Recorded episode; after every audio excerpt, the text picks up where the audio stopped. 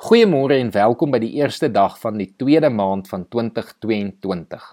Vanoggend wil ek met jou gesels oor Eksodus 20 vers 5 en 6 en ek lees dit vir ons voor. Jy mag hulle nie vereer of dien nie, want ek die Here jou God eis onverdeelde trou aan my. Ek reken kinders die sondes van hulle vaders toe, selfs tot in die 3de en die 4de geslag van die wat my haat maar ek betoon my liefde tot aan die duisendste geslag van die wat my liefhet en my gebooie gehoorsaam. Hierdie gedeelte het baie mense al laat wonder hoekom God hierdie in sy woord vir ons sê. Aan die een kant is dit goed om te hoor en dankbaar te wees dat God se genade en liefde baie groter is as sy toorn en sy straf. Dat hy sy liefde bly bewys tot in die duisendste geslag terwyl die sonde gelukkig net toegereken word vir 3 of 4 geslagte. Maar aan die ander kant voel dit tog op 'n manier onregverdig dat God jou kan straf vir iets wat jou voorouers gedoen het. Gelukkig weet ons hierdie het tot 'n groot mate met die koms van Jesus verander. Elkeen se verlossing hang alleenlik af van jou eie geloof in Jesus Christus.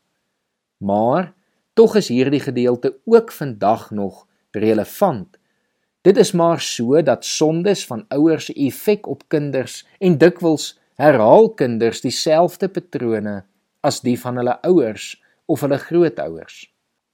Onlangse navorsing het getoon dat trauma oorerflik is tot en met die 3de of die 4de geslag.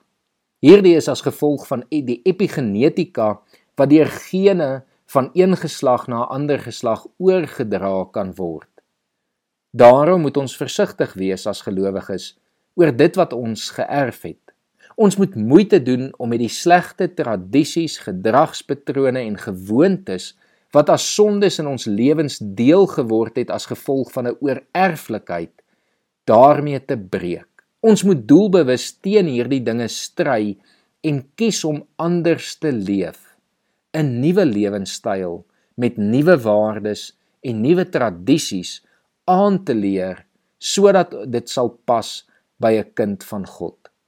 Kinders van God kan mos nie aanhou sondig nie, soos ons Sondag in 1 Johannes 3 vers 6 tot 10 baie duidelik gehoor het. Ons is nuwe mense, deel van die huishouding van God, en daarom moet ons leer om soos sy kinders te leef en nie soos kinders van sondige ouers nie. Hiermee sê ek nie dat alle ouers sondig was en is nie en dat ons almal net slegte dinge geërf het nie. Inteendeel, ons weet ook hoe Christelike gelowiges weer geloof aan kinders en kleinkinders kan oordra. As jy gelukkig genoeg was om in so 'n huis groot te word, dank vandag die Here daarvoor en maak seker dat jy dieselfde aan jou kinders en kleinkinders ook kan oordra sodat God op hierdie manier sy liefde van geslag na geslag tot in die duisendste geslag ook aan julle as familie kan bewys. Mag ons almal daarna streef om as kinders van God wat die ewige lewe gaan erf, nou al uit te leef as heiliges binne God se heilige teenwoordigheid. Kom ons bid saam.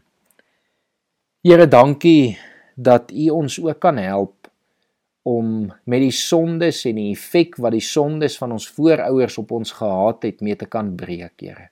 Dat U ons nie net kom verlos van ons eie sonde nie, maar ook dit wat ons geërf het.